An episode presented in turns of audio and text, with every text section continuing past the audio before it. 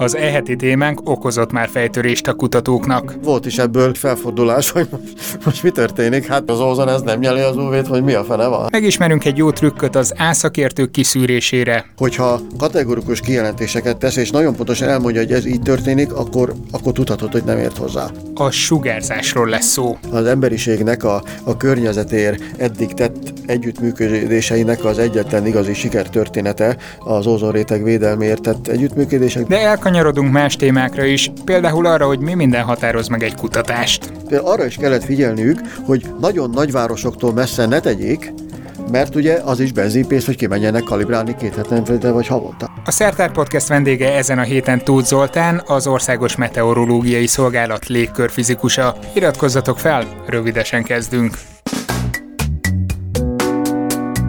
A Szertár Podcast adásait közösségi finanszírozásból készítjük. A működési költségeket a patreon.com per szertár oldalon tett felajánlásokból fedezzük. Ha tehetitek, csatlakozzatok ti is azokhoz az előfizetőkhöz, akik havonta legalább egy hamburger árával hozzájárulnak ahhoz, hogy hétről hétre új adással jelentkezhessünk. Köszönjük! Sziasztok, én Robi Laci vagyok. Hapci továbbra is még az Egyesült Államok nyugati partján sütteti a hasát, és milyen szépen átvezettem már is a mai témára, mert hogy nap süttetésről, pontosabban has süttetésről lesz szó, és itt van a stúdióban egy légkörfizikus az Országos Meteorológiai Szolgálattól, Tóth Zoltán, szervusz! Mindenkit üdvözlök. üdvözlök Milyen idő várható mára?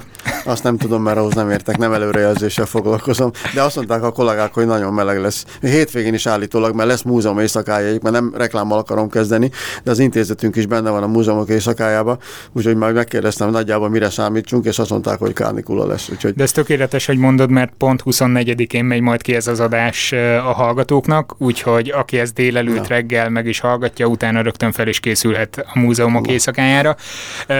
Lehet, hogy visszatérhetünk erre, hogy milyen programokkal fogjátok várni az embereket, sőt, fel is írom rögtön magamnak, Jó. hogy múzé, hogy el ne felejtsem.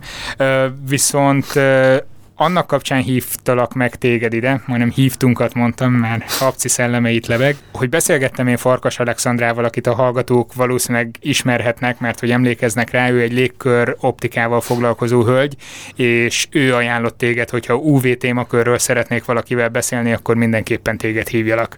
Úgyhogy Isten hozott. Mi a te kötődésed az UV-hoz? Hát a, nem az egyetemről jön, mert ott megúsztam UV nélkül az öt évet, de nem humorjázálok tovább. Hát igazából ugye ez úgy indult, hogy amikor végeztem az egyetemen csillagás szakon, csillagás és a meteorológiát együtt végeztem párhuzamosan, de aztán egy diplomába írták a kettőt, gondolom, spórolásból. És hát akkor elhelyezkedem ott, akkor még az intézet, ez a Központi Légkörfizikai Intézet néven futott, és akkor is az Országos Meteorszolgálathoz tartozott, és Hát a napsugárzás osztályra mentem. Az elektromágneses sugárzás mindig érdekelt, bár a szakdolgozatom nem pont ilyen témájú volt, de volt benne sugárzás, és ez egy ilyen elméleti interstelláris fizikai probléma megoldása volt. Lenyűgözően hangzik így. Hát igen, jó, lehet vele vagánykodni. És hát a sugárzás osztály alapvetően elektromágneses sugárzás mérés, illetőleg hát sugárzás átvitélő modell kifejleszt, fejlesztés, ez volt a munka. És hát ugye én attól 1986-ban végeztem, és onnan kezdve hát ezzel foglalkozom. Akkor még az ultrabajos sugárzás nem volt különösebben érdekes. Ugye ezt ez, ez tök jó, hogy mondod, hogy nem volt érdekes. Azért nem volt érdekes, mert nem paráztak ennyire az emberek az UV-sugárzástól, vagy egyszerűen kevésbé volt ártalmas az akkori UV, mint a mostani, tehát kevesebb érkezett a Földre? Hát tulajdonképpen nem nem volt kevesebb, sőt, akkor már ugye az, az igen erős ozoncsökkenésben ben, benne voltunk, de akkor ismerték föl, tehát nem volt még ismert annyira szélesebb körben, és hát a, mondjuk a szakmán belül is még igazából nem volt úgy rákészülve a szakma eléggé. És ugye csak úgy mondjuk kutatás szempontjából teljesen érdekes az UV-sugárzást kutatni, hogy megmérni, hogy mi történik vele a légkörben, de igazából, mivel ugye nagyon kis mennyiségben érkezik, a légköri energetikában nincs szerepe. Tehát a látható és a közeli infravörös az, ami a légköri energetikában szerepet játszik, az UV-nek gyakorlatilag ehhez képest ezeknek töredéke, tehát úgy, úgy nem volt úgy izgalmas. Akkor mikor, kezdegették mikor... fölismerni, ugye hát gondolod, ez 86-ban végeztem, 85-ben ismerték fel az ózonjukat. Az ózon csökkenés már ismert volt, de hogy például ez mennyire, mennyire globális, ugye nem volt még annyira sűrű ózon, ózonmérőhelyek se voltak, nagy pontosak ózonmérőhelyek se. Azt lehetett tudni, hogy, hogy csökkenés van, de például a nagyon drasztikus, az antarktikus ózonjukat ugye 85-ben ismertek fel, 87-ben született az első egyezmény az ózonnak a védelmére. Ugye tudni kell, hogy ez azért hozom be az ózon témát, mert az ózongáz atomfizikai tulajdonságai következtében erősen elnyeli az UV sugárzást, uh-huh. Nagy részét elnyeli, tehát ezért fontos, ezért van kapcsolatban az egész. Most ugye utána aztán elkezdték ezt fölismerni, de addig olyan kampányszerű kutatásszerű UV-mérések itt-ott történtek. Egyébként nálunk is egy idős kolléganő, aki már 80-as évek nyugdíj, végi nyugdíjba ment, ő is foglalkozott ilyennel, ilyen nagyon érdekes ilyen baktériumfágokat döglesztett meg, és akkor azoknak a meghalási vagy pusztulási rátájából lehetett számolni vissza az UV-t. Egyébként ez a biofizikusok ma is csinálják, mint bioszenzor. Ként oh. ezt, ezt ezzel dolgoznak. Tehát akkor nem kimennek a napra, aztán megnézik, hogy mennyire égnek Hát le. igen, a saját magukon az rizikósabb lenne, a baktériumokat kevésbé sajnálják. És tehát ilyenek voltak, meg volt egy, egy elég ismert az UV sugárzás mérésben egy malajziai kutató, akit Iliásznak hívnak, és azért érdekes, mert megijesztem, hogy hogy a felébe lett egy malájnak ilyen neve, vagy Iliász. Tehát ilyenek voltak. Volt egy nagyobb mérési kampány, amit egy akkor frissen kifejlesztett szélesebb UV, addig legpontos UV detektor, amit Amerikában a Solar Light cég fejlesztett ki, annak az első tíz éves tesztje az 86-87-be tett le, tehát igazából a 80-as évek vége, 90-es évek fordulója volt az, amikor erre úgy jobban rákészült a, a tudományos társadalom is, meg hát az ózonjuk felismerése ugye ezen nagyon sokat lendített. Csak 90-es évek eleje volt az, amikor ugye nálunk is, hát ugye eljött az idő, hogy ezt ugye kéne mérni. Nálunk ott a metőszolgálatnál a a sugárzás, az sugár, elektromágneses sugárzás vizsgálatának mérésének elég nagy hagyománya volt, és több nagyon nagy nevű kutató került ki, tehát például ma is a infravörös sugárzás átvételnek egyik, ha nem a legnagyobb neve Miskolci Ferenc, aki fizikus, és hát a NASA-nál dolgozott sokáig, most már nyugdíjas. Itt felvetődhet a kérdés, hogy, hogy azért volt ennek Magyarországon hagyománya, mert hogy a magyarok milyen hamar felismerték ezt a fontos területet, és más meg nem, vagy éppen volt egy rés, amivel Magyarországon lehetett foglalkozni, mert máshol még nem foglalkoztak hát vele. Volt egy-két nagyon jó szakember, ugye szürkálmányban tudjuk, hogy tényleg nem voltunk soha rosszak, azért valljuk be, mm. tehát ugye ez nem egy olyan dolog, valahogy úgy alakult. Lehet, hogy kicsit szerencse volt, hogy egy olyan jó szakember, aki ezzel foglalkozott, kétségtelen, hogy, hogy ennek, ma, ma is a, a meteorológus akadémikusok közül, a négy közül az egyik például a sugárzásos, a dr. Major mm-hmm. György, aki korábban egyébként főnökön volt, és már rég nyugdíjba ment, tehát valahogy ez így alakult, és így aztán nyilván volt egy olyan alap, amire mi ottan ö, fiatalabbak ugye rá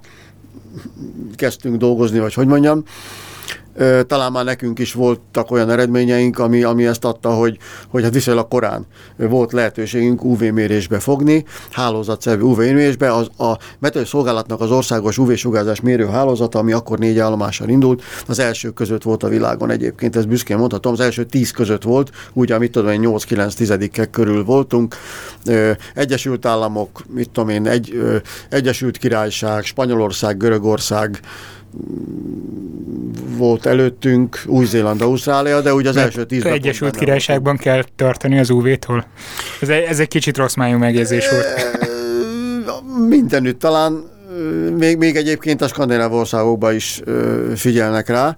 Tehát mindeset benne voltunk, ez 94-ben indul, 94 második felében, és hát Ugye azt nem mondhatám, most kicsit ez ugye persze felkapott egy divatos téma, de a divatos nem pejoratíve értem, uh-huh. mert akikkel együtt dolgozunk, bőrgyógyászok, egészségügyi szakemberek nagyon jól tudják személyek, hogy nagyon-nagyon-nagyon veszélyes ez a dolog, és egyre több bőrbeteget regisztrálnak egyébként, erről is lehet majd pár szót mondani. Uh-huh. Tehát lényeg az, hogy, hogy valóban ez egy fontos dolog. Nekünk viszont nyilván egyik része a munkánk, munkánknak, hiszen a légköri sugárzás energetikában a, a látható tartomány, az infravörös nagyon fontos, sőt, mint ahogy mondtam, ugye abban viszont azok a fontosak és, és hát ugye a légköri energetika pedig nagyon fontos a, a magának a, a, egy ilyen bolygóatmoszférának a működése. Igazából azon alapul, hogy a sugárzással mi történik. Ez mhm. egész maga a klímaváltozás ugye egy nagyon érdekes téma, hogy és ugye az aztán mindenki ért, borzalmas dolgok jelennek is meg róla. Csak például az üvegházhatás is egy ilyen dolog, ami a sugárzáson múlik, és igazából, igazából egy rendkívül komplex dolog, és nagyon jól, nagyon sok helyen nincs elmagyarázva, ráadásul a mélyen, mélyen fizikailag vannak benne még mindig kérdések. Tehát az, aki onnan lehet megismerni egy valakit, hogy hogy van-e fogalma mélyen az üvegház hatásról, vagy nincs, hogyha kategorikus kijelentéseket tesz, és nagyon pontosan elmondja, hogy ez így történik, akkor, akkor tudhatod, hogy nem ért hozzá. Ha ha bizonytalanságra utaló ö, mondatrészek vannak a mondataiban, akkor, akkor van róla fogalma. Tehát minden esetre ö, nagyon sok olyan manapság ismert témában kulcsfontosságú és alapvető a, a sugárzás, amiket ugye manapság emlegetnek, mert... mert egy, egy kicsit beszéljünk ezekről a sugárzásokról, jó csak, hogy mindenki jól értse, leginkább én is, hogy mi az, amiről beszélünk. Tehát hogyan jut el hozzánk a sugárzás, vagy honnan jön mindez? Nyilván a napból, többnyire? Alapvetően napból, de ugye kicsit akkor messzebbre mennék, egészen messzire, sőt, hát bárhova. Maxwellig. Sőt, bá, a, hogy? Maxwellig egészen. Ja, ja, ja, pontosan egyébként, én nagyon jó, hogy a Maxwellig, ha nagyon komolyan belemegyünk, Maxwellig el kell menni. Ugye azt tudni kell, hogy az egész világegyetemben a, mondhatjuk azt talán, hogy a, hogy a az energiának a legfontosabb megnyilvánulási formája az elektromágneses sugárzás. Gondold el, keresztül kasul megy rajta, minden csillag bocsát ki elektromágneses sugárzást, sőt maga ugye a, a hideg csillagközi anyag is, ugye azt a néhány kelvines háttérsugárzás, az is elektromágneses sugárzás, csak ugye mikrohullámú tartomány. Tehát bármi, aminek hőmérséklete van, vagy ha úgy tetszik, megmozdul, ugye az egyből, mint ö, kis pici lineáris oszcillátor elektromágneses sugárzást bocsát ki. Ez ugye herc elmélet. Közben nagyon sajnálom, hogy rádióban vagyunk, és nem tudjuk megmutatni, hogy közben kézzel hogyan ja, játszol itt az oszcilláció. mutattam a részecskéket, kár, hogy nem tévégen. Kétségtelen az, hogy tehát bármi, ugye minden elektronos, ez ugye Hertz elméletileg, hát aztán, ahogy mondtad is, Maxwellig visszamegyünk, már vissza is mentünk, ugye ő írta le pontosan, hogy miért kötelező ez fizikailag, hogy, hogy fotonok ö, bocsátódjanak ki, kicsit nem szép magyarsággal, ilyen esetben. Na, ami ugye kicsit már ugye mozog, az ugye sugárzás bocsát ki. Ettől van a hőmérséklet is, nagyon fontos, uh-huh. amikor hőmérsékletről beszélünk, igazából forrásfüggvényről beszélünk, kibocsátott sugárzásról, kibocsátott fotonokból. Nagyon érdekes az is, hogy Ugye a hőmérsékletet ugye a részecskés mozgásából határozzuk meg, viszont azt se felejtsük el, hogy, hogy, hogy attól is függ egy adott hőmérséklet definíció, hogy milyen sűrűségi ott az anyag. Tehát például fönt a légkörnek a legkülső része, a termoszféra, vagy akár a napkorona, ami több millió fokos, ha megmérjük, de igazából megfajtánk, olyan baromi hideg van. Na most akkor ez is ellentmondás, hogy akkor hogy van. Legalábbis hát ugye, annak tűnik. Annak tűnik, igen, nyilvánvalóan a fizikában szerencsére nem ellentmondás, de elsőre az, mert ugye annyira ritka ott az anyag, hogy borzalmas nagy sebességgel mozognak már ott a részecskék, de igazából annyira nincs ott anyag, hogy, hogy igazából az egy transzlációs hőmérséklet, de a termodinamikai hőmérséklet viszont az, az nagyon alacsony. Na mindegy, de ez is a sugárzáson múlik, mert a sugár, kibocsátott sugárzás határozza meg ugye a Stefan Boltzmann törvény, ha már itt tartunk, ugye azt mondja, hogy minden testnek, kibocsátott testnek a hőmérséklet határozza meg, hogy milyen lesz a teljes kibocsátott sugárzás. Na de akkor visszatérve egy, ja, egy kicsit igen, közelebb a naphoz. Bocsánat, igen. hogy akkor nálunk honnan származik a Így sugárzás Hát ugye nagy nálunk a napból, uh-huh. uh, ugye a napból minden, mondhatjuk azt, hogy minden csillag környezetében, ha környezetében, ha teszem azt, keringenek bolygók, és ma már ugye tudjuk, hogy, hogy rengeteg ilyen csillag van, ami körül bolygók keringenek. Volt egy uh, szegény csillagász, egy nagyon sajnálom, Peter van de Kampnak hívták, eretek holland volt, és Amerikában futott be nagy karriert, és ő kezdett foglalkozni annak idején a nyílt csillag nevű csillaggal, más néven Barnard csillag, mely Barnard nevű csillagász fedezte föl. Ez a második legközelebbi csillag egyébként hozzánk, hat fényévre van, és nagyon nagy a saját mozgása. Tehát ez nem azt jelenti, hogy, nem azt jelenti, hogy látjuk, hogy mozog, ez sok év alatt se látnánk, de mérésekkel kimutatva az elmozdulása az elég nagy a többihez képest. És hát a mozgásában találtak ilyen pici hullámokat, és hogy az a, a csillagközi, már másról beszélek, de majd kivágjuk. Ugye a csillag körüli, vágjuk, semmit nem vágunk ki, igen. A csillag körüli bolygó mozgásnak az egy, az egy, egy indikátora, tehát hogy a bolygó létezik egy csillag körül, és hogyha persze nem túl nagy a, a, tehát nem elhanyagolható a bolygó tömege a központi csillaghoz képest, akkor a központi csillag is fog egy pici mozgás végezni, hiszen ugye egy ilyen rendszerben nem arról van szó, hogy a, ott áll a központi csillag és körülötte keringenek a bolygók. Körül Mindenki a közös tömegközéppont körül kering, csak mint nálunk mondjuk a naprendszerben, ahol a nap képviseli a naprendszer teljes tömegének, tehát összeadva a bolygókat, holdakat, üstökösöket, kisbolygókat, aszteroidai, és a Plutót.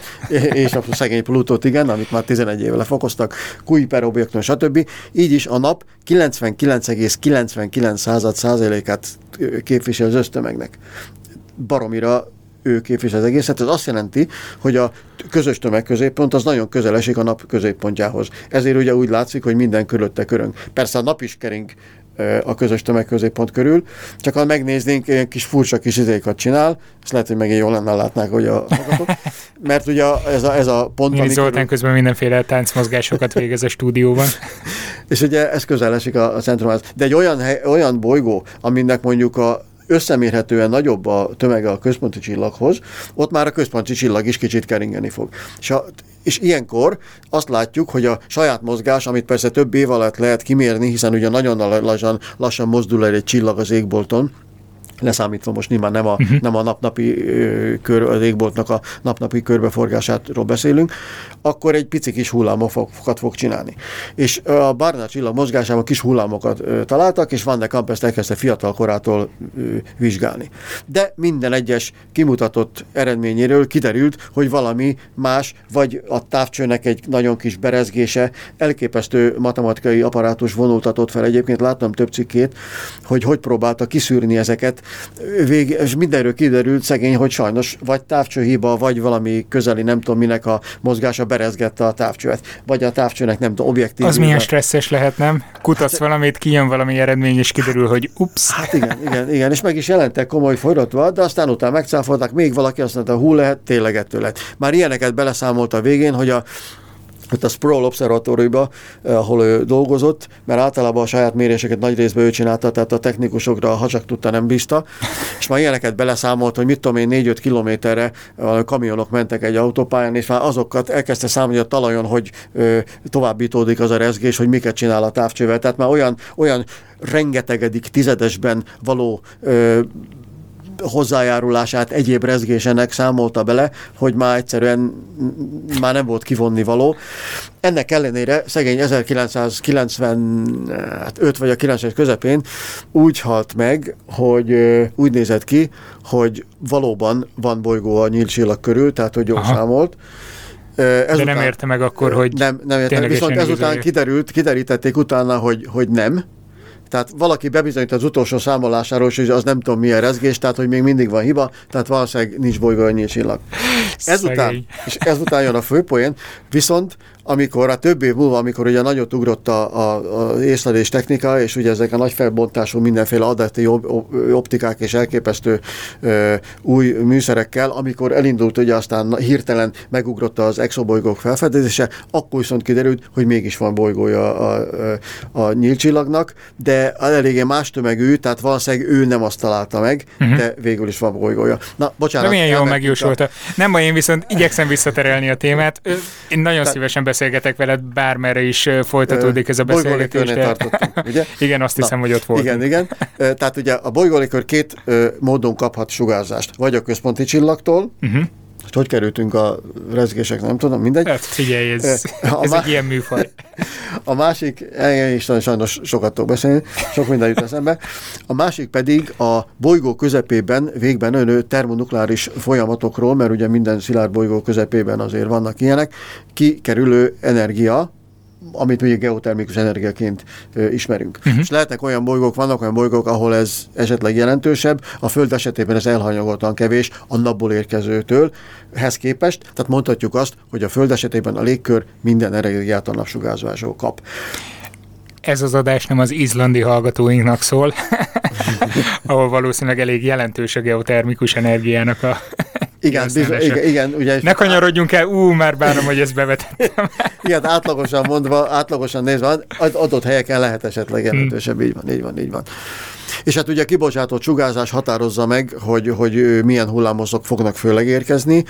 Ugye a, a nap ilyen fotoszféra, tehát a fotoszféra a legkülső rétege a csillagnak, ilyen 6000 körüli hőmérsékletű, meg néhány ezer, néhány tízezer fokos objektum esetében, amilyek, amilyenek mondjuk a normál csillagok, ezeknél főleg a láthatóban sugároznak, uh-huh. tehát jön valamennyi UV is, és hát jön valamennyi közeli infravörös. Egyéb hullámhozók is érkeznek, de azokban nagyon kevés, és az UV is, hát a légkör tetejérkező UV sugárzás az nem teljesen elhanyagolható az egészhez képest, tehát olyan 6-7 százaléka, viszont ugye az ózon leveszi a nagy részét, ezért jön végül is kevés. Aha. Tehát a légkörben mondhatjuk azt, hogy, hogy főleg látható és, és közel infravörös, valamennyi távol infravörös érkezik, és hát nagyon-nagyon kevés UV.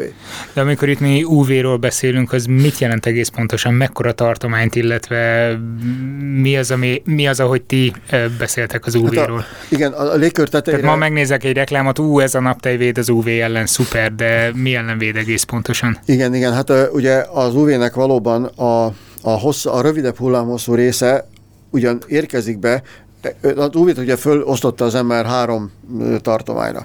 Eleve Amiből a... mi többnyire csak az át meg a B-t halljuk, de lehet, hogy nem igen, véletlenül. Igen, nem véletlenül, mert a C gyakorlatilag nem ér, így van, hogy mondott, a C nem érkezik le a felszíre. Ugye az ember felosztotta az elektromágneses sugárzást különböző tartományokra, de a saját ö, céljai szerint.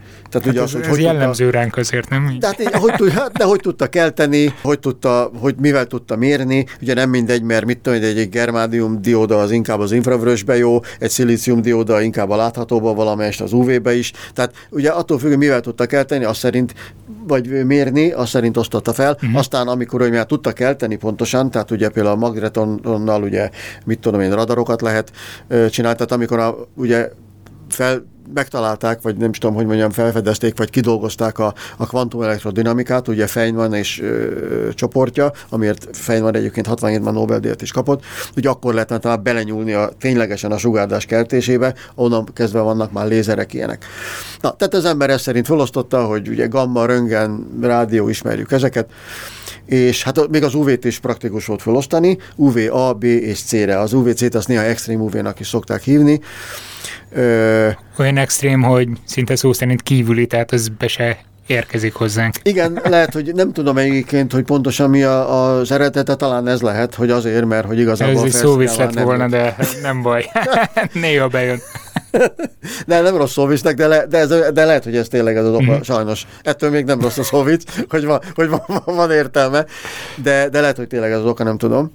Ö, és hát azt úgy az UV-nek a legszélét, hogy így mondjam, azt ilyen 10-50-100 nanométer közöttől szokták venni. Ez is nagyon érdekes, hogy a határok nem teljesen pontosak. Pont ezért, Aha. mert ott nem történik semmi fizikailag. Tehát a, mit nem azért Ja, bocsánat.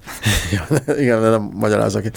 E, tehát ugye fizikailag nem történik azon a határon valami, csak az ember, tehát a foton nem tudja magáról. Annyi a különbség az elektromos sugárzás különböző, hullám, különböző tartományok között, hogy más a hullámhossza, vagy a, ahogy tetszik a frekvenciája a fotonnak, de ő nem tudja magáról szegény foton, hogy ő most infravörös, vagy rádió, vagy látható, vagy micsoda. Erről azt hiszem valamelyik adásban talán egy éve beszélgettünk Habcival, hogy, hogy ugyanez van lényegében a biológiában a fajok meghatározásánál, vagy a rendszertani egységeknél, hogy szerencsétlen állatnak vagy növénynek tök mindegy, hogy hova tartozik, mi vagyunk azok, akik bezsúfoljuk valamelyik kategóriába teljesen hát mesterségesen. Igen. Hát ugye soroltak is néha, hát úgy tudom, így állatot például, ami érdekelt a biológus, mint a brémet, elolvastam régen meg ilyenek, és ugye ez is ugye elég ugye hát állatrendszertan szerint veszi az állatokat, és hát emlékszem, olvastam ilyet, hogy, hogy mit tudom én, valamiről ugye egy nagyon kevésbé ismertem, mondjuk egy rejtett módot, életmódot élő állatról, valahol, valahol volt sorolva, és jobban megismerték, és akkor mitől kiderült róla, hogy inkább ezekhez tartozik. Hát, Tehát unatkoznának a rendszert annal foglalkozók. No de,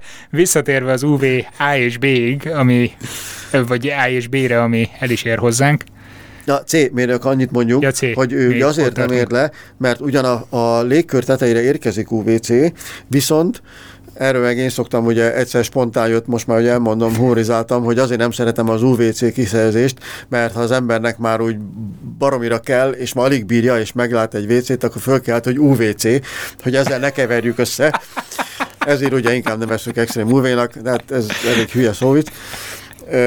Mindenesetre az UVC talán egyébként használtabb, mint, a, mint az Extreme UV. Hát az Extreme UV-t én azt figyeltem, csillagászatban inkább használják, a légkörfizikában inkább az UVC-t. Lényeg az, hogy hát ez is érkezik valamennyi a légkör tetejére, viszont úgynevezett fotoionizációs folyamatokban az energia eléggé elhasználódik, valamint az ózongyártásban. Uh-huh. Ha esetleg érdekes, majd arról is beszélhetünk, hogy hogy alakul ki, és egyáltalán mit tudom, miért egy adott rétegben van nagyon sok ózon, és amott kevés. Most ezt így nem mondom, de ha majd esetleg van érdeklődésed. Ez, ez egy jó kérdés lehet most így elkezdek gondolkodni, nem azért, mert lehet, hogy hülyeséget mondok, mert odafenn, ahol, tehát hogy ez folyamatosan alakult ki, nem, hogy egyre több ózon keletkezett, ez egyre inkább szűrte az UVC-t, tehát egyre inkább odafenn a légkör tetején alakult ki. A kapizsgálásod jó fele van, de nem teljesen ez az oka, de igazából Na. ehhez közel álló, közel álló. Ugye jönnek le az UVC fotonok, és ugye ózon az az oxigénből keletkezik, egy fotokémiai reakcióval, tehát ez a bizonyos UV energia, vagy egy bizonyos energiában nagyobb energia kell, hogy beinduljon maga a reakció, ugye ez uh-huh. fotokémiai reakciónak és így keletkezik egy három lépéses reakcióban az oxigénből, az oxigén molekát fölbontja az ózon, és akkor utána ezek összeállnak egy harmadik katalizátor molekula segítségével. Így nagyon egyszerűen így néz ki. Tehát az UV C-fotonok kellenek hozzá, meg, meg oxigén. Aha. Nos, ugye van egy magasság, ahol a kettőből optimális mennyiség van, mert ha jövünk lefelé, az UVC fotonok kezdenek romosan fogyni, mert egyéb folyamatokban ilyen ionizációra elhasználódik az energiájuk, meg ózongyártásra is, tehát hogy jönnek le, egyre-egyre kevesebb van. Ózon viszont egyre több van. Aha. Ugye, és van egy magasságtartomány, ahol ennek a reakció számára eléggé optimális mennyiségű van még mind a kettőből, mert lejjebb már hiába van jóval több oxigén, mert ugye minden gázban egyre több van, legalábbis ugye a lentebbi rétegekben, ugye nem atomsúly szerint helyezkednek el. Egyre több van oxigén, viszont UVC fotonok meg már elfogynak. Tehát így azért van egy magasságtartomány, az a 15-25 nagyjából akkor, ahol a legtöbben ezt szokták ózonpajzsnak, ózonrétegnek hívni, de igazából van oxigén a talajtól egész nagy magasságokig, csak hát kisebb mennyiségben. Tehát az ózon profil az egy olyan, amit most így megmutatok, de a tévé lenne, akkor tudnám. Egy ilyen hullámzó. Uh, Igen, van egy ilyen nagy hasa ebben a magasságban, Aha. amiről beszélünk. Így aztán UVC fotonok gyakorlatilag olyan minimális mennyiségben jönnek, hogy normál módszerrel szinte ki sem mutatható. Nálunk is a nagy pontoságú spektrométerünkkel, ami egyébként a világ. Ez csak akkor működik, amikor a germicid lámpa be van kapcsolva mellett. hát igen, pontosan. Tehát lényeg az, hogy, hogy, hogy még mi is igazából 300 alatt 295-6 közül alig, alig minimális jelet tudunk kimutatni, és hát az UVB az 280-tól vagy 290 uh-huh. szokták számolni, tehát UVC-re mondhatjuk azt ilyen, ilyen kicsit nagyjából, hogy, hogy nem érkezik le. Ezért az UVB még az arról hazunk, mert ha, beszélünk, mert az, ami, ami már érinti a bioszférát meg minket. És ha már a bioszféráról meg rólunk van szó, akkor az UVA meg a B között mi a különbség? Az a különbség, hogy a hullámhoz. A, így van, nagyon jól válasz, köszönöm. Van a hullámhoz, de mondjuk az, hogy számunkra ugye miért érdekes, miért van ekkor a különbség, az azért, mert az emberi bőrnek a, az érzékenysége, tehát a, a hullámhoz vagy érzékenység eloszlása az olyan, valahogy ugye olyan a szerkezete, úgy alakult, hogy, hogy egy nagyon erősen érzékeny a 300-nál rövidebb hullámhosszakira, és 300-tól, mhm. ezt megint ugye ugye mutogatok, de nem látják a hallgatók, 300-tól elkezd rohamosan csökkenni, de olyan erősen, hogy 300-tól 330 nanométerig, a 30 nanométer, ez nem egy olyan nagy távolság, ezredésze csökken az érzékenysége. Tehát mondhatjuk Aha. azt, hogy 300 még barom érzékeny, ez egy ilyen relatív skálájú függvény, és ott még egy az értéke, 330 meg egy ezred. Tehát gyakorlatilag onnan kezdve már szinte nem is, nem is érzékeny az UV-re. És ugye 340-től szokták ugye 300, mit tudom én, az UV-at mondani, tehát ugye az UVB az még a nagyon erős érzékenységbe tartozik, ahol szinte totálisan, utána a 340 fölötti az UVA meg már nem. Épp ezért, hogyha mondjuk egy sugárzásnak, ugyanilyen az emberi szem is egyébként, ugye, ugyanilyen biológiai detektor, ugye egy, vannak is van egy érzékenység eloszlása, nem azt jelenti, hogy ilyen szögletes a, a mint az átviteli függvény, hogy ugye a, Ideig a, látok valamit, hogy valamilyen szint után nem, hanem ugye egy ilyen görbe szerint érzékeny. A szélé, tehát ugye 555 nanométer körül van a maximuma, nem véletlen, mert a napsugárzásnak a maximuma a direkt sugárzásnak egyébként ott van, nyilván uh-huh. ugye mhm. így alakult ki, vagy az Isten, vagy az evolúció, ezt mindenkinek ugye a világnézetére bízunk. Ö, és ugye utána erős, erősen csökkent. Tehát a vörösre meg az ibolyára már kevésbé érzékeny. Erre szoktam megint egy hülye szó mondani, hogy persze az ibolya egy jó nő, akkor elég érzékeny a Ö, ezért De látjuk, például ezért nem ibolya az ég. így van, ezért látjuk kéknek az égnek, és nem ibolyán pontosan, mert, mert bár, bár rövid hullámból több van belőle, de az ibolyából meg már jóval ke- kevesebb is van, és ráadásul kevésbé érzékel szemünk rá. Na, Én ez erről egy ilyen. talán három éve volt egy ilyen hülye videóm, ahol ezen dilemmáztam, hogy miért kék az ég, és miért nem lila. Bocsánat, nem lila, ibolya, de Igen, hát nekem lila. ugyanazt, Tehát, ez, ugyanúgy mondhatjuk így. Na, szóval ugye így néz ki, és ezért, hogyha egy sugárzásnak a biológiai érzékenységét akarjuk ugye mondjuk számolni, ami ugye most ugye az utóbbi években egy érdekes lett, tehát mint a biológusok, tengerbiológusok, vagy miten tóbiológusok a Tihanyi Limnológiai Intézettől is kerestek már meg minket ilyen dolgokkal. Ugye nem elég nagyobb pontossággal megmérni az adott sugárzást, hanem tudni kell az adott biológiai rendszernek az úgynevezett válaszát, az akciós spektrumát, tehát az érzékenységnek a, a, a, a hullámos szerinti eloszlását. Mert ugye egész más fogunk kapni. Most meg tudnám mutatni megint, így le tudom neked így rajzolni, ide a levegőbe, hogy, ö, hogyha, hogyan megnézzük. mondjuk a- Lefordítom, Zoltán most éppen hadonászik. igen, csak nagy a mikrofont elősen. A, tehát, hogy ugye a beérkező sugárzás normál esetben úgy néz ki az UV tartományon, hogy szépen növekszik a egyre hosszabb hullámhosszok felé, hiszen ugye valahol az 555 nanométernél, ami a láthatóba esik már, oda esik ugye a maximuma. Persze ilyen cikásan változik, mert ugye különböző gázok elnyelnek, meg mit tudom én, de ugye azért növekszik. Viszont a, a, a bőrre hatékony, úgynevezett biológiai eff- effektív sugárzás viszont nem így fog kinézni, mert ugye, a, ha ismerjük a bőrnek az érzékenység eloszlását, ugye mondtuk, hogy milyen, hogy viszont hár, ő meg 300-tól 330-ig drasztikusan lecsökken, aztán ott már kicsit csökken, de ott már ugye majdnem nulla. Ha ugye ezt, ezt úgy lehet kiszámolni az effektív sugárzás, hogy minden hullámhosszon az érzékenység függvényel az akciós spektrum adott hullámhosszon érvényes értékevel beszorozzuk az ott beérkező besugárzást. Aha. Tehát ebből a úgynevezett függvény konvolúció egy olyasmi lesz, hogy teljesen máshogy fog kinézni a biológiai hatékony sugárzás, mert ott fog nagy lenni, ahol még a beérkező sugárzás kicsi, és ott, ahol már egyre nagyobb és egész nagy a beérkező tényleges fizikai sugárzás fotonszám, meg nem reagálunk 340-60 fele, már hiába nagy, más szinte nem érzékeny a bőr rá, tehát ott nulla lesz. Ezért egy adott fizikai spektrumhoz tartozó biológiai spektrum ugye pont fordítottan fog kinézni, Ah, világos. Tehát, tehát, tehát ezt amíg nem tudja, annak idején nagyon sokat dilemáztunk, hogy meg kellett tanulnunk a, a, ugye az UV-sugárzás mérést, mármint azért, mert azt, azért volt érdekes, hogy az emberi bőrre, meg a biológiai rendszerekre ugye milyen, és hiába, rá, ugye annak idején hiába tudtuk nagy pontossággal megmérni az UV-t, nem elég, nem elég, teljesen más fogsz kapni, kell tudni az adott biológiai rendszernek a válaszát. Tehát például, mint valami adott tengeri moszatra való biológiai hatását akarod egy adott időszakban beérkező sugárzásnak nézni, akkor azt tudni kell, hogy pontosan az adott moszatnak milyen a, a, a válaszfüggvénye, azzal be kell szorozni a spektrumot, és akkor van meg a... Egyébként milyen az együttműködésetek más szakemberekkel, akik szintén hasonló témakörben kutatnak, csak éppen más megközelítésben? Mondjuk bőrgyógyászokat említetted, szemorvosokat, vagy limnológusokat akár, tehát hogyan keresitek meg egymást egy-egy projektre? Tudsz erre példákat, vagy éppen jó sztorikat mondani? Hú, nagyon sokat tudok erről mesélni. Hát Hogy ugye- esik be hozzátok egy limnológus, hogy hello, van egy kis problémánk. Hát igen, ugye ez úgy indult, hogy a 90-esek elején azért ugye mindenki már, aki, aki nem is mondjuk kifetten sugárzás, légköri sugárzás, fizikával, sugárzással foglalkozott, de egyéb szakterületen ugye kapcsolatba került vele, nyilván elkezdte ö, ugye hallani, olvasni, hogy, hogy ugye probléma kezd lenni az UV-sugárzás az ozon csökkenés miatt. És ugye minket konkrétan, amikor én úgy kezdtem a dologgal békén kapcsolatba, hogy az akkori főnökünk, a Miskolci Feri, akit mondtam, hogy NASA-nál dolgozott, és hát talán a legismertebb infravörös sugárzás átviteli szakember, sőt, hát aztán a legjobb infravörös sugárzási modellt ő dolgozta ki a világon.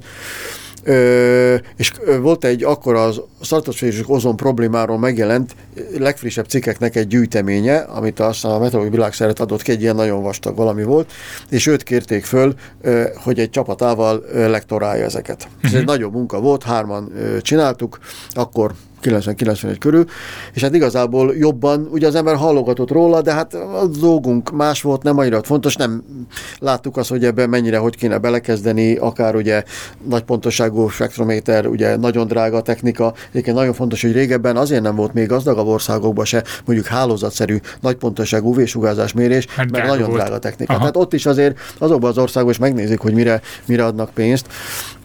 És például nagyon érdekes példa erre, majd mindjárt visszatérek erre a könyvre, csak eszembe jutott, hogy a... Annyi mindenre térünk már vissza, hogy szerintem egy másik adásba is meg fogunk hívni, tehát... Kösz.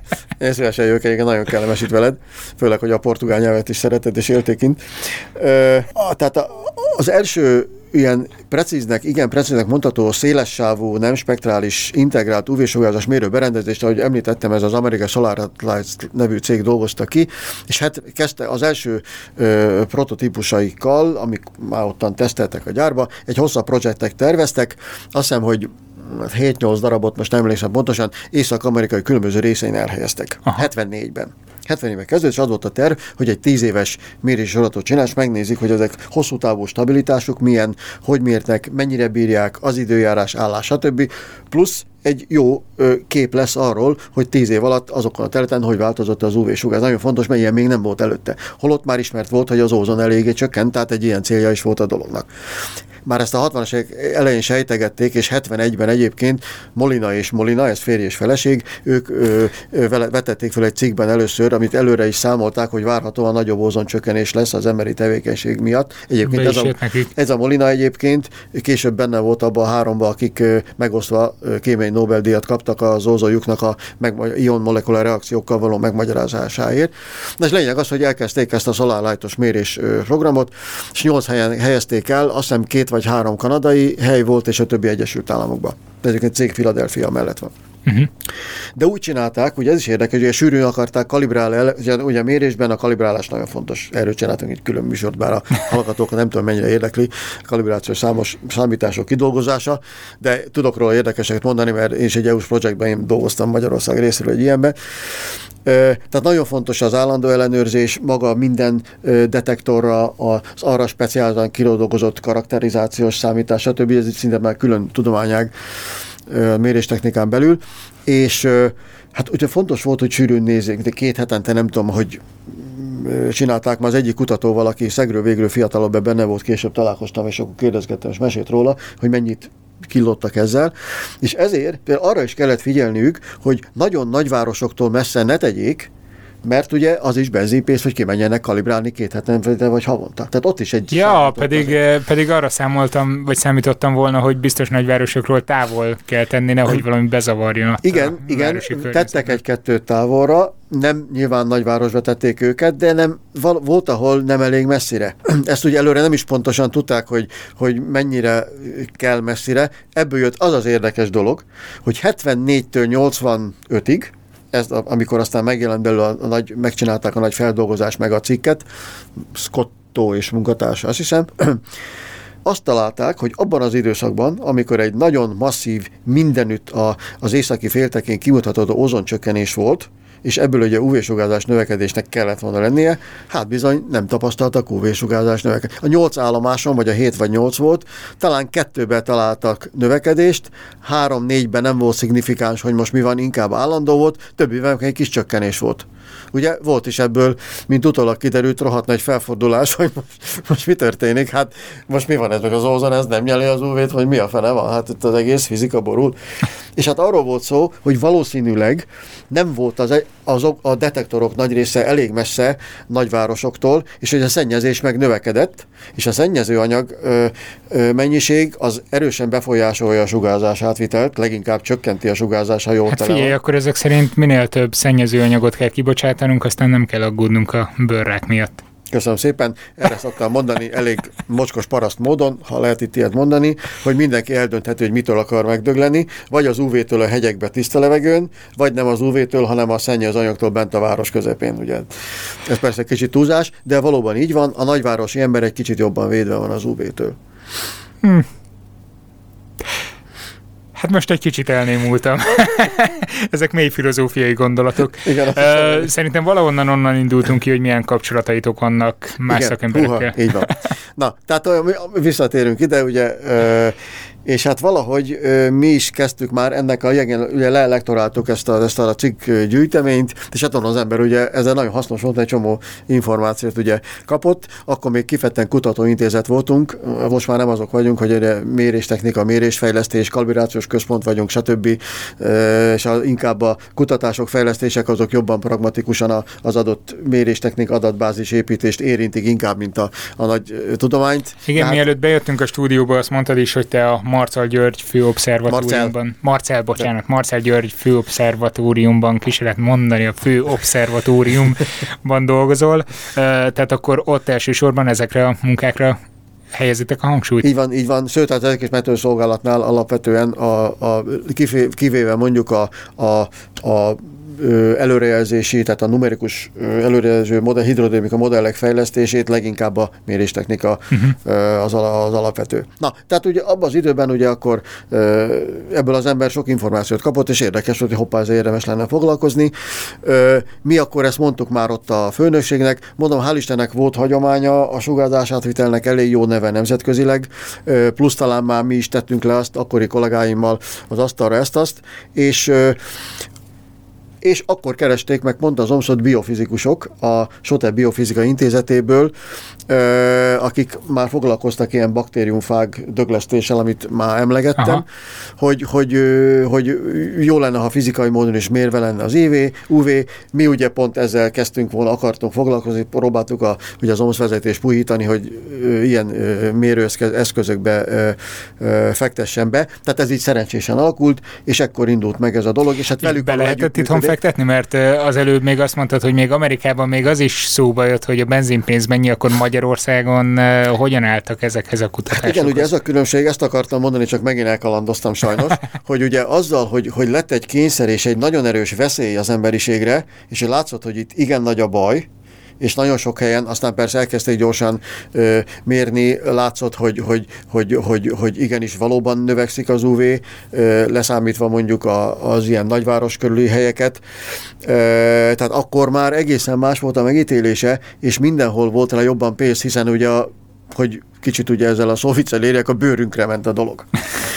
És amint az emberiség bőrére ment a dolog, ugye nyilvánvaló lehetett oda csoportosítani pénzeket, és akkor már, akkor már rohamszerűen, tehát ugrásszerűen kezdett növekedni. Akkor mi, mondom, az első tíz évben nem voltunk a világon, viszont utánunk egy-két év alatt rengeteg országban lett UV monitorozás. Nem, nem megfizethetetlen volt, csak drága. Mondjuk egy ilyen szélessávú UV mérő, ami jóval olcsóbb persze egy nagy pontosságú spektromoternél, az most ilyen egy millió forint körüli.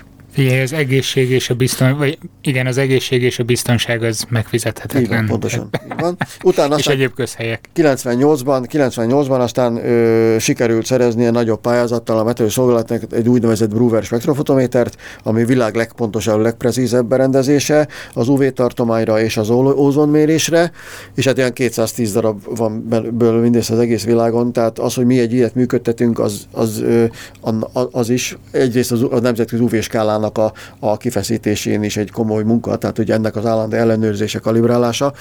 Tehát akkor már ugye ilyen ö, lehetőségek, ez 40 millió forint körül, körül van az hmm. ára, csak így mondom így, hogy a sugárzásmérés egy nagyon drága méréstechnika. Ugye tudni kell, most kicsit ugye e, nem felejtem el, hogy az együttműködésről beszélünk, hogy nem lehet, nem lehet ö, ö, direkt megmérni.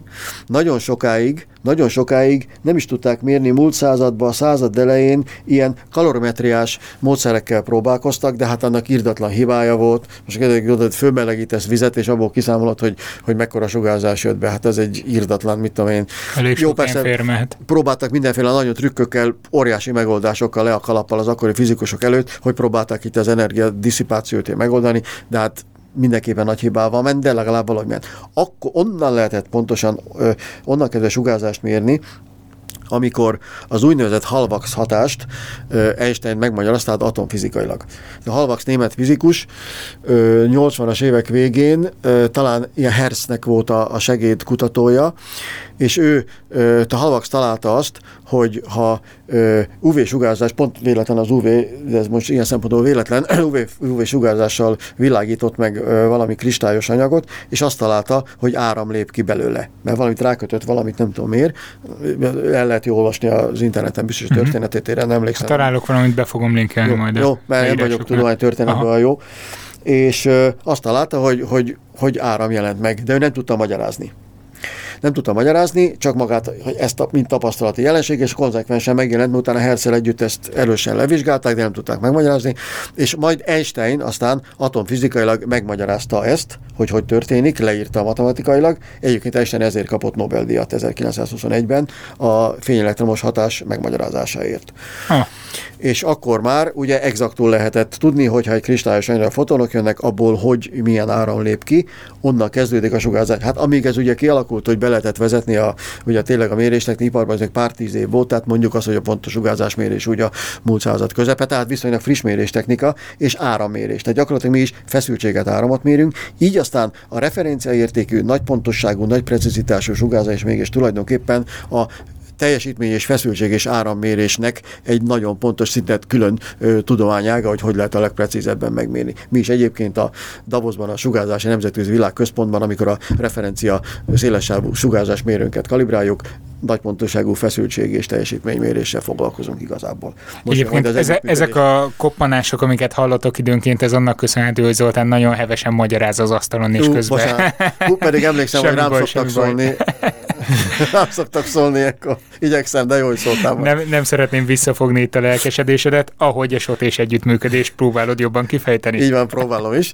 Tehát ez akkor így elindult, voltak közös mérések, stb. a konferencián is voltunk együtt, akkor ugye beszereztük az első UV-detektorokat, akkor összemértük az ő bioszenzoraikat a mi detektorainkkal, tehát így indult ez az egész.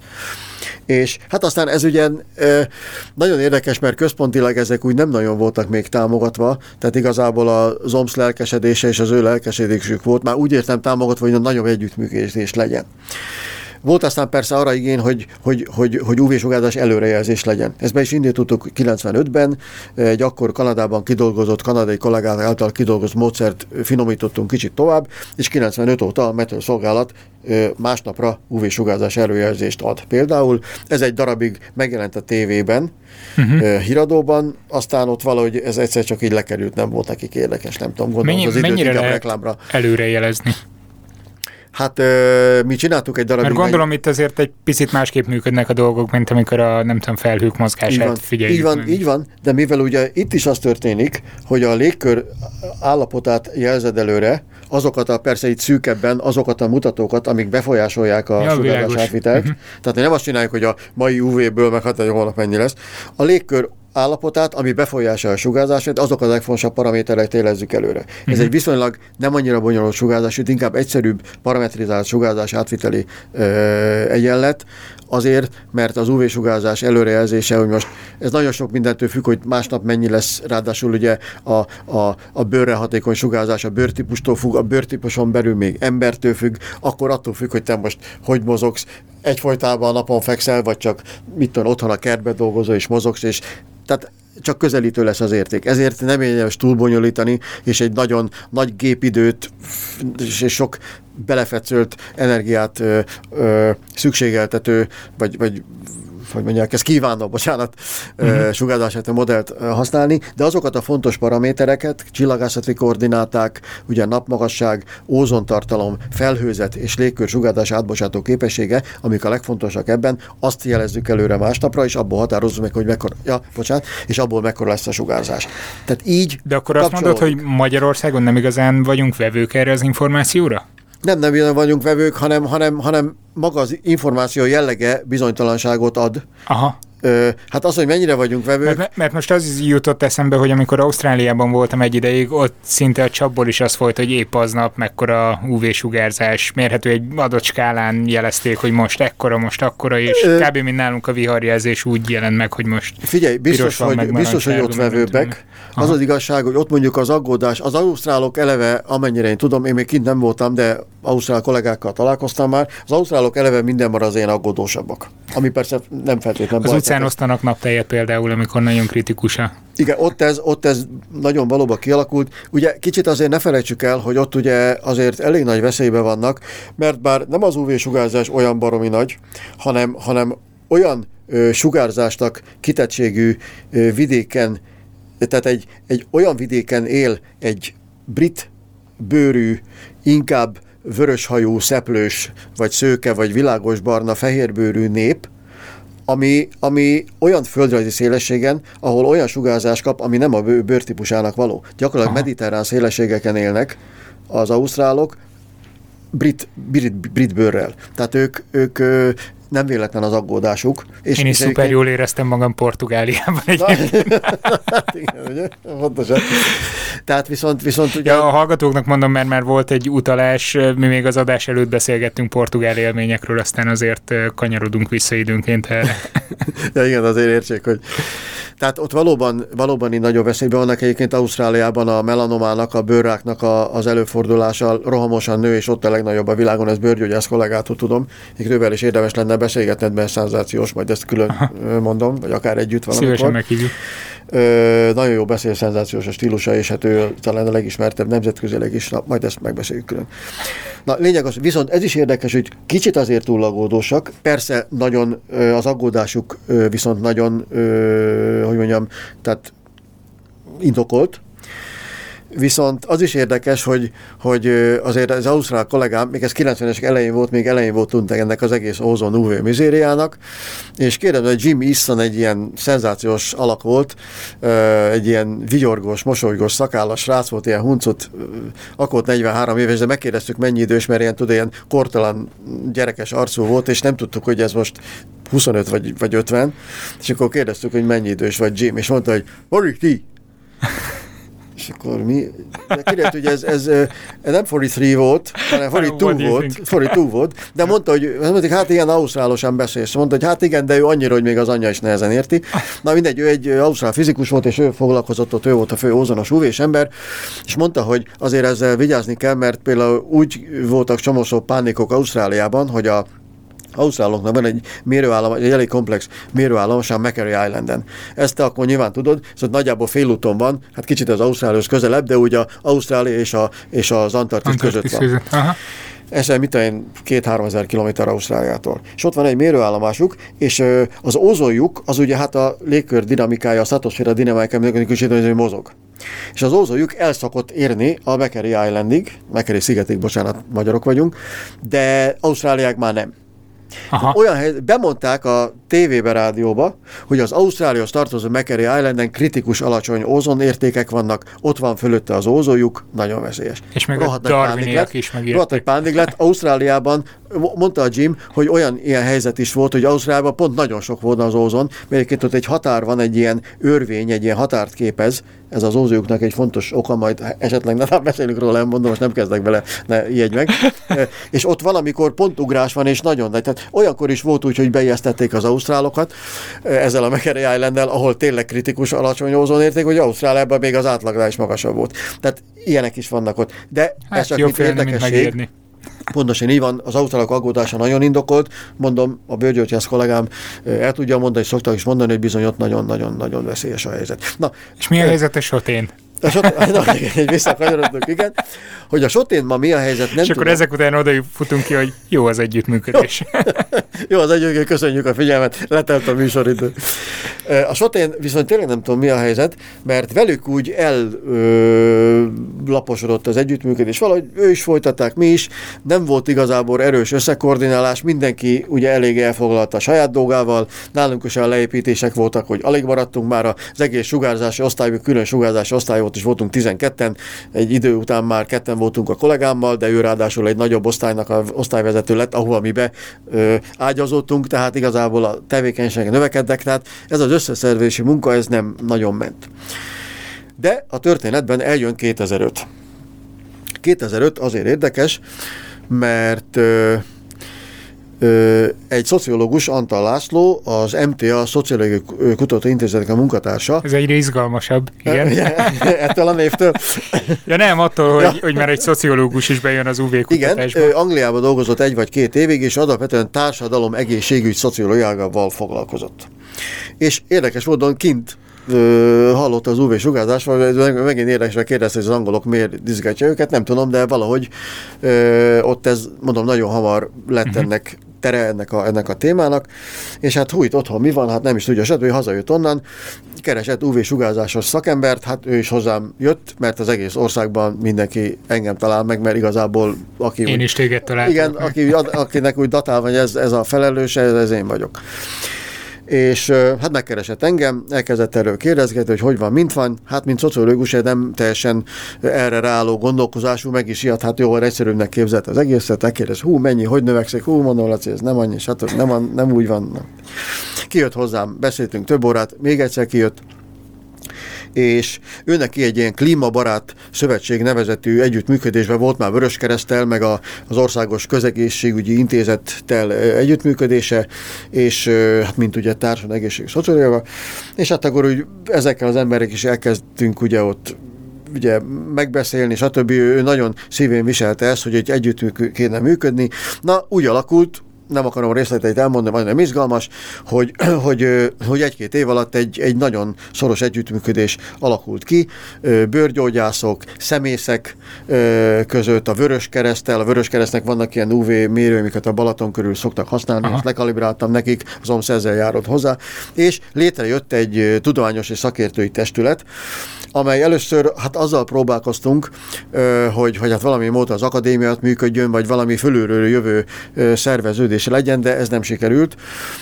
Az akadémia, odáig jutott a dolog, hogy az akadémia elnöke támogatta volna, hogy akadémiai bizottságként működjünk, Viszont kiderült már az adminisztráció intézése közben, hogy az akadémia égisze alatt interdisziplináris bizottság vagy testület nem működhet. Tehát csak adott tudománynak a, a, ez kiderült, ők se, az elnök se tudta pontosan, hát minden egyes ponttal nyilván ő sincs tisztában, de ott kiderült, hát ez hogy, nagyon meglepő. hogy ez nem lehet, tehát adott tudománynak, vagy mit tudom én, tudományágnak, igen, tehát mint hogy van a, mit tudom, a, a, van a Meteorológiai Tudományos Bizottság, és van mondjuk annak több albizottsága, én is tagja vagyok a, a légkörfizikai és levegőkémia albizottságnak, de ilyen, ilyen, ami egy ilyen, ilyen több tudományt érint, ilyen nem lehet, ez a szabályzatban benne van.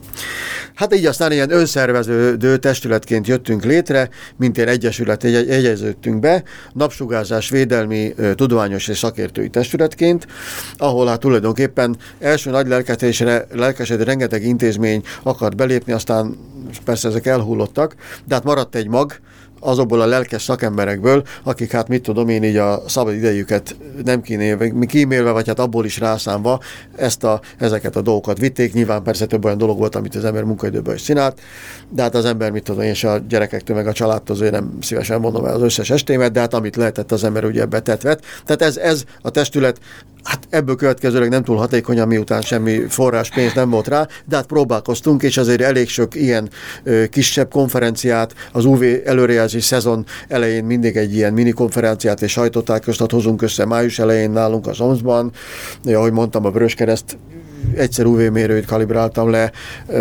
a fényvédelém napján a bőrgyógyászoknál általuk szervezett rendezvényen tartottunk egy ilyen vitát, tehát azért voltak olyan, olyan dolgok, amik hát nagyjából ezt úgy, úgy, úgy viszegették, ha döcögve is. Világos. És akkor ez, ez lett a kifutása ennek a igen, igen, gyakorlatilag ez, hogy ez az együttműködés így, így van, és hát ez azért jó, mert, mert adott esetekben könnyebben találjuk meg egymást, nem egy állandó folytonos dolog, de úgy azért még az se igaz, mert valami úgy, úgy mindig van. Tehát nincsenek egetver eredmények, de valamilyen ez, erre, arra a munkákra, a projektre összetartják ezeket az embereket. Jól elfutott itt az időmenet közben, időnként itt rá pillantok a monitorra, hogyha nagyon röviden szeretnénk összegezni, vagy akár hosszabban is nyugodtan. Hétköznapi laikus embernek, aki akár nagyvárosban van, és úgy dönt, hogy ő inkább a smogot választja az UV helyett, milyen tanácsokat tudnál adni itt UV-sugárzás tekintetében? Hát bár a tanácsokat inkább a bőrgyógyásnak kéne elmondani, de mivel már nagyon rég vagyunk kapcsolatban, már ragadt rám azért, mert én is tanulok, nem tudom mennyire jó, de valamelyest úgy tűnik. Azért lehet mostanában hallani hogy fogalmazok nagyon diplomatikusan, egymásnak szögesen ellentmondó véleményeket UV témakörben különböző hírforrásokban. Hát igen, igen, ez is, ez is érdekes, egyébként ez is megér egy külön misét, mint a klímaváltozás, és ott és aztán mindenki ért hozzá, és elképesztő dolgokat lehet. Az egyébként a baj ott is, hogy, hogy a, nincs igazán jól elmondva, és tényleg nem akarom az ezzel foglalkozó klimatológus kollégákat ö, egyáltalán, ö, mit tudom én, elmarasztalni, mert döbbetes a dolog, és az a matematika, amit ők a, ezekben a modellekben megcsinálnak, megoldanak, de az ismeretterjesztésben, és nagyon sok ilyen félig ismeretterjesztő, vagy komolyabb is az előadásban, műsorban nincs eléggé hangsúly, például az, most bocs, kicsit eltértem, hogy mert ugyanis a különböző híreket a nem hozzáértő jobban megérteni, ha alapvető dolgokkal van tisztában. Én is, amikor a kölkeimet netán kellett matek nem sokat a lányomnak különösen nem, mert az mindent ért matekból, és kiugrom matekos. Néha netán kellett csak mindig azt mondani, az adott, ne felejtsük el, hogy most 5 kiló vagy valamennyi, az alapelvet érdemes az adott példánál, az adott fizika példánál elmondani. De ez meg az iskolán hogy, múlna, hogy, nem? Hogy, hogy, hát, Oktatáson. Jó, most beszélhetünk az oktatásról és a tanárokról, ugye, ez egy megint külön téma, hogy milyenek, meg hogy van sajnos. Tehát lényeg az, hogy öt az alapokat kéne. Tehát nem azt mondani, hogy izé, így jön a Gletscher, úgy, mit tudom én, ilyen mediterrán botanikusok tudják, hogy tényleg bizonyos mediterrán növ, növ, növények elkezdtek nőni bizonyos helyeken már a északabbi, tehát föntebbi szélességen. Ez mind oké, okay, meg így van. De hogy mitől van az egész? Ilyeneket hallok, hogy eljött-e már a klímaváltozás. Soha nem jön, mindig van. Egy planetáris atmoszféra, egy bolygórégkörnek kutya kötelessége változni, mert ő bizonyos alapvető fizikai törvényszerűségek meg akar felelni, egyébként ez egy elég más téma, tehát nem akarok vele kezdeni, és ő ezért, ha bármilyen külső hatás éri, megpróbálja úgy agyusztálni ott a belső dolgait, hogy például az energia minimum elvnek megfeleljen. Ezt úgy tudja elérni, hogy maximális, ha lehet, maximális hosszú hullámú sugárzást bocsásson ki a világűr felé. Arra a legkönnyebb energiát leadni, mert ugye, uh-huh. hogy úgymond parasztosan mondva hideg, üres világ világűr felé a legkönnyebb ugye hűlni. Tehát ugye ezt próbálja mindig... A meleg minden... mi is kinyitjuk az ablakot. Például. nagyon jó félre, köszönöm.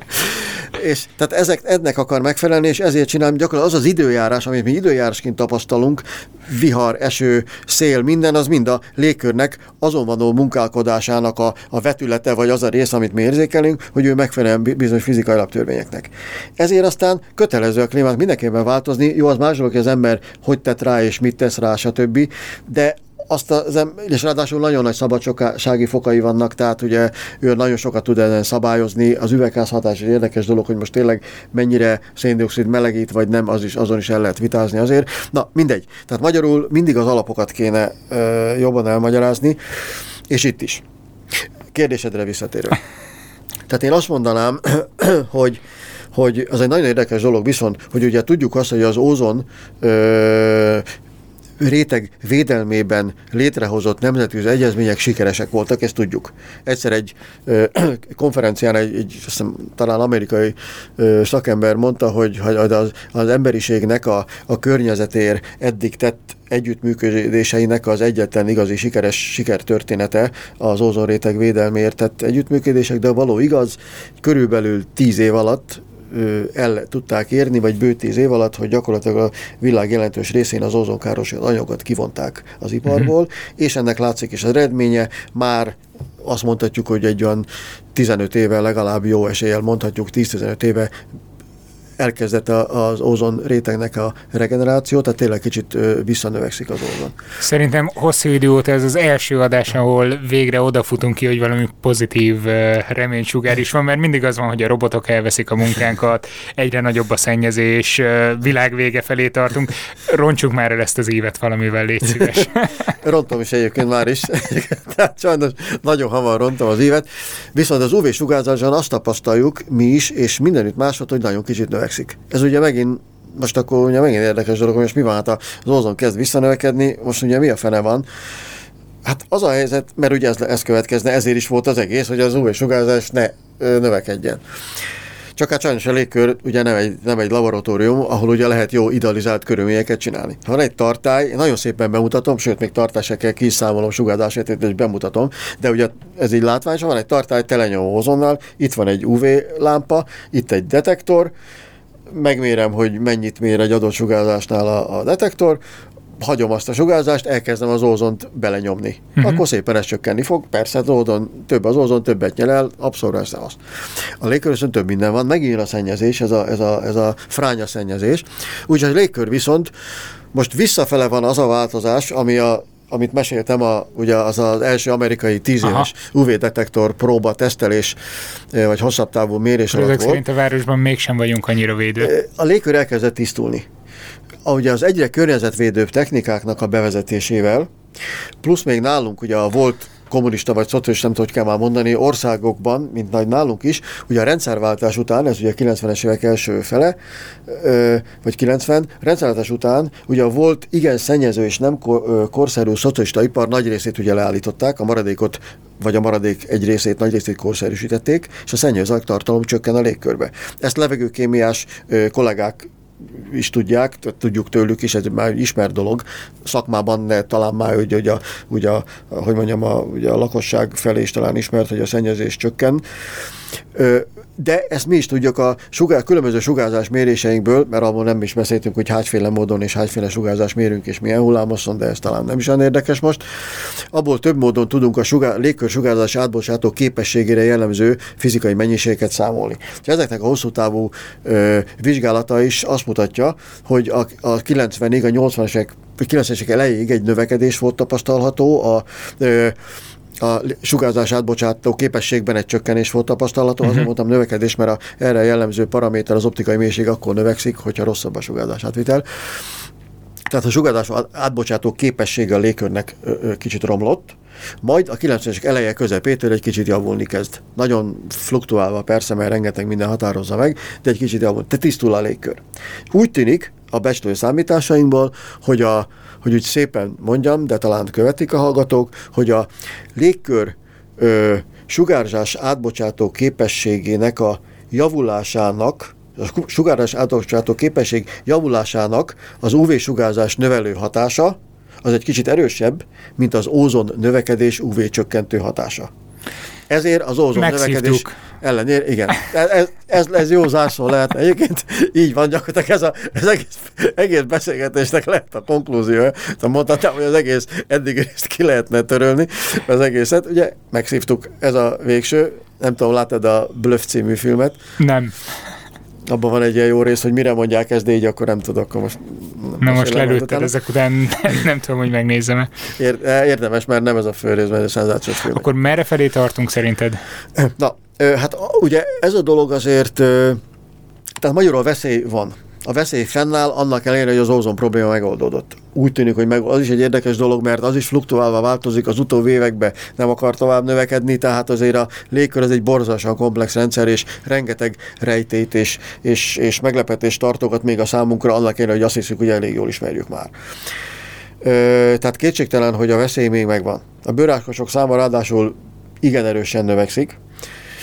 Ö, Viszont ez az, ha, ha mondjuk más nem történik, csak ez, hogy tisztul a légkör, ez ugye akármeddig nem fog azért tisztulni, mert ugye akármilyen környezetkímélő technika van az iparba, stb. kipufogó, ezt találsz, mindenképpen, hogy úgy mondjam, fizikailag kötelező a szennyezés. Tehát nincs olyan, hogy, hogy ki valami nem megy a rendszerből. Uh-huh. Tehát akármeddig ez nem fog tisztulni, Ö, tehát én úgy gondolom, hogy ez a hatás azért meg szok, szok szűnni idővel, vagy legalábbis nagyon lelassul tehát egy idő után az ózon ö, növekedés UV-csökkentő hatásának nyernie kell.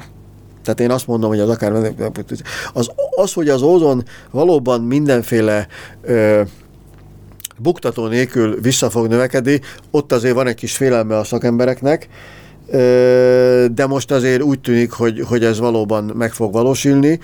Ugye készítenek el nagyon bonyolult számítási modelleket, amiben benne van a légkörfizika, benne van a, a, a stratoszféra dinamikája, ez a legérdekesebb, a legtöbb ózon ott van, mm-hmm. valamint hogy a stratoszféra kémiája. És hát úgynevezett kémiai dinamikai modellek, én nem foglalkozom ilyenekkel, de ezzel foglalkozó külföldi szakembereknek a előrejelzései szerint ö, valóban javulás van, lesz, de ugye nagyon bonyolult a légkör, ráadásul ugye ne felejtsük el, hogy egy olyan, tehát például a klímaelőrejelzések is ilyenek, egy olyan rendszerre teszünk hosszú távú előrejelzéseket, amire alapvetően fizikailag nem lehet.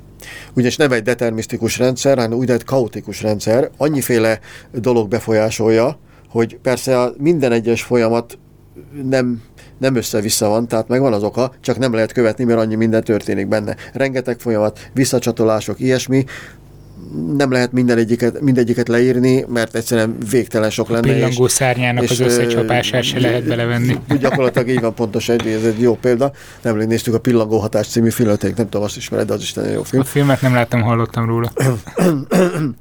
Eston Kutcher főszereplésével.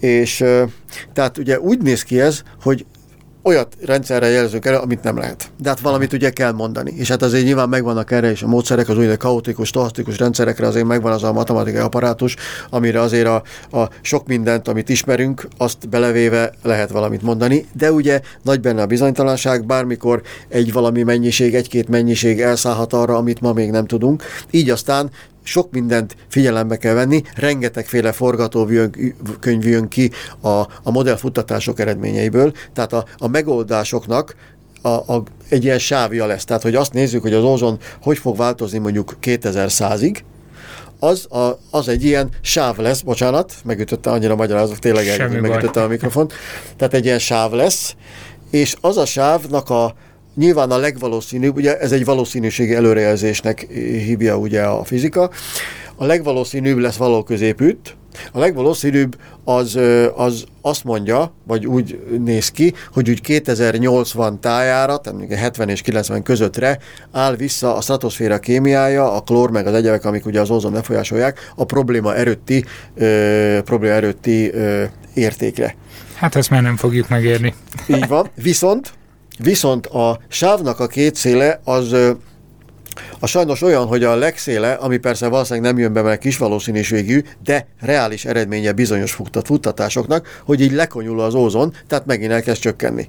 A legteteje pedig olyan, hogy elkezd nagyon növekedni. Ezeknek nyilván ugye nagyon pici, nulla közel valószínűsége, de mutatja a rendszernek az instabilitását, és azt, hogy bármit tapasztalunk most, bármit mutatnak a rövid távú előjelzések, nem mondhatja senki, én se, még a jobban hozzáértő se, aki mondjuk a stratoszféra kémiával foglalkozik, mert nem vagyok annak szakára, hogy biztos, hogy most már elindult a javulás, és javulás lesz.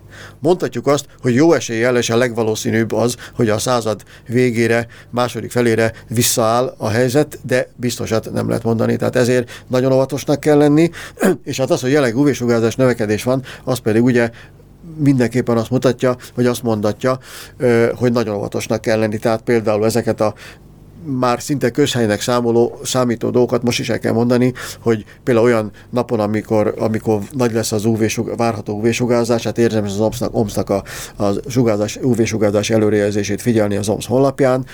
Ha nagyon nagy érték, extrém értékek vannak, vagy kiadjuk a, a figyelmeztetést, akkor a következő nap, ha csak lehet, mindenki kerülje a napon tartózkodást mondjuk 11 és 15 óra között, vagy ha nagyon muszáj, akkor pólóba legyen szalmakalapba és árnyékba, de ha lehet, akkor inkább ne. Tehát nagyon, nagyon oda kell figyelni, és bőrgyógyász kollégától tudom, hogy mondom, a bőrákosok száma ijesztően emelkedik ma is. Köszönöm szépen. Mondanám, hogy a szép zár szó volt, nem volt olyan szép, de mindenképpen megszépelendő. Szépítsük meg az árszót akkor még, hogy azért ne felejtsük el, mert ezt mindig szoktuk egymás között mondani, hogy bármennyi is ilyen a helyzet, ne állandóan a, az ijesztés legyen és a naptól való félelem legyen. Tehát egy egészséges kintartózkodás, ugye vigyázva, óvatosan, vagy inkább olyan mikor felhős, de azért van nap, akkor menjünk ki.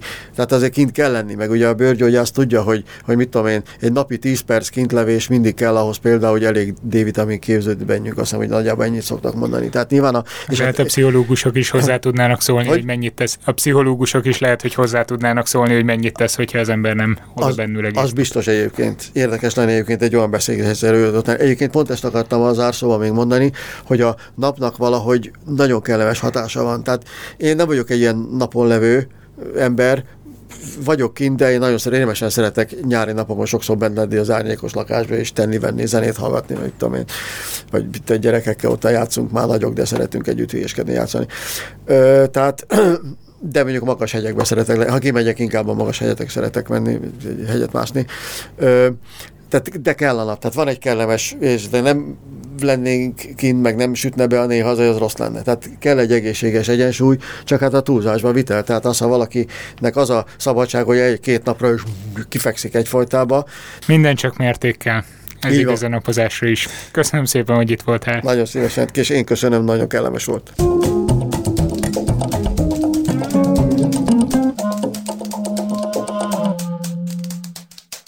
Ez a műsor a Béton közösség tagja.